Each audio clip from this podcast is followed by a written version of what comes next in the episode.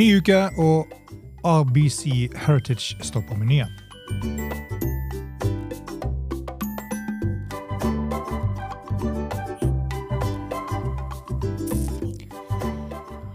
Hei, velkommen til en ny episode av Golf Plug, presentert av Twitter Golf. Mitt navn er Bjørn Hage. Masters er over for denne gang, og vi har forlatt Augusta National. Og vi befinner oss denne uken på Harbour Town Golf Links på Hilton Head Island i South Carolina for The RBC Heritage. Og det er en rik historie som ligger bak denne turneringen. Eh, I dag er Hilton Head Islands golfbane kjent over hele verden for utfordrende spill og enestående feriestedsfasiliteter. Men i 1969 var Hilton Head Island bare en lite kjent low country ferieparadis. Så da Sea Pines-utvikler Charles Fraser kunngjorde at en turnering på PGA-turnivå ville bli holdt på den nyopprettede Harbour Town Golf Links over thanksgiving-helgen, var det mange som tvilte på om den ideen hadde livets rett. En ukjent bane på en eh, lite kjent øy på en eh, feriehelg. Kanskje ikke beste komboen. Likevel, ingen garanti for at de store navnene i golf ville være der for den første Heritage Classic. Men da både Arnold Palmer og Jack Nicholas, som da også hadde hjulpet til den eh, legendariske golfbanedesigneren Pete Dye med å legge ut denne banen, forpliktet seg de da samtidig til å spille, så begynte da folk å innse at Heritage Classic kom til å bli noe helt spesielt. Palma vant den første Heritage Classic, og det var hans første seier på 18 måneder. Og det fikk da ekstra mye pressedekning. Og kommentatorer og journalister roste da Pete Dyes nye Lynx-type bane. Siden den gang så er det mye som endrer seg. RBC Heritage holdes nå uken etter Masters, og den opprinnelige pørsen var på 100 000 dollar. Det er da etter dagens kurs ca. 770 000. Den har da i våre dager hoppet opp til hele 20 millioner. Og fanskaren har vokst, delvis takket være omfattende TV-dekning av både CBS og The Golf Channel. Så hvert år kommer det nær 100 000 tilskuere fra hele USA og rundt om i verden og bringer anslagsvis ca. 102 millioner dollar årlig til staten. Og Hvert år inneholder da RBC Heritage topplisten av noen av de beste spillerne på Order uh, World Golf Ranking-listen. Mange historikere hadde trodd at en golfklubb utenfor Yonkers i New York var den første som importerte sporten fra Skottland i 1886. Imidlertid avdekket Sea Pines, grunnlegger Charles Fraser, et skipsmanifest fra 1786 så han bemerket at golf, golferpinner og fjær En golfball fra, det, fra før det 20. århundret, laget, laget av kokte fuglefjær og kuskinn, hadde blitt sendt til innbyggerne i South Carolina og Georgia.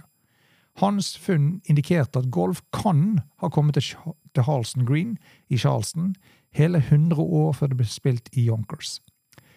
Fraser hedret den skotske arven ved å kalle PGA-turarrangementet Heritage Classic.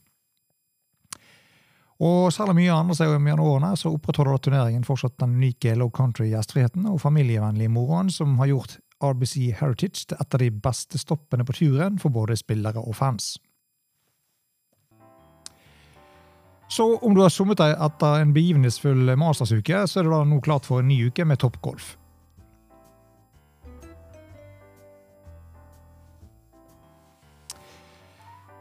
Uh, Habertown er jo da nok en Pete Dye-bane som eh, ble bygget med konsultasjon fra The Golden Bear, eller Jack Nicholas, som han også heter.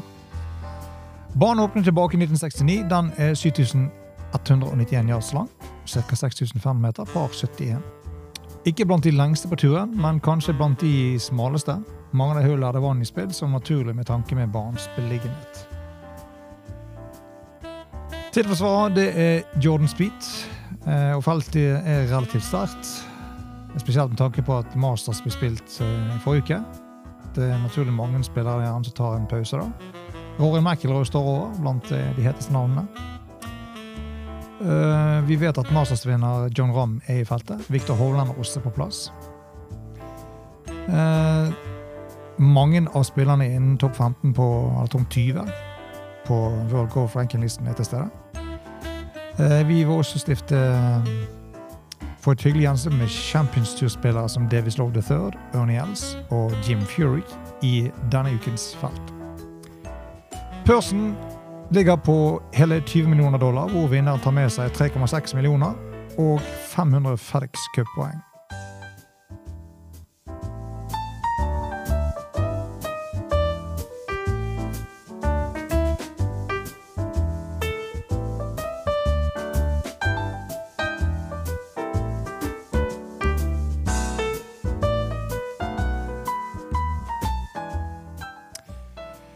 Så det er bare å benke seg for en eh, ny uke med golf i eh, ypperste klasse. Og eh, det kan jo være du kan sitte ned, og kanskje du kan eh, her noe å lære for alle og enhver. Og kanskje du blir til og med inspirert til å ta deg en ekstra tur på treningsfeltet. Det kan jo være godt. Det har jeg tenkt å gjøre.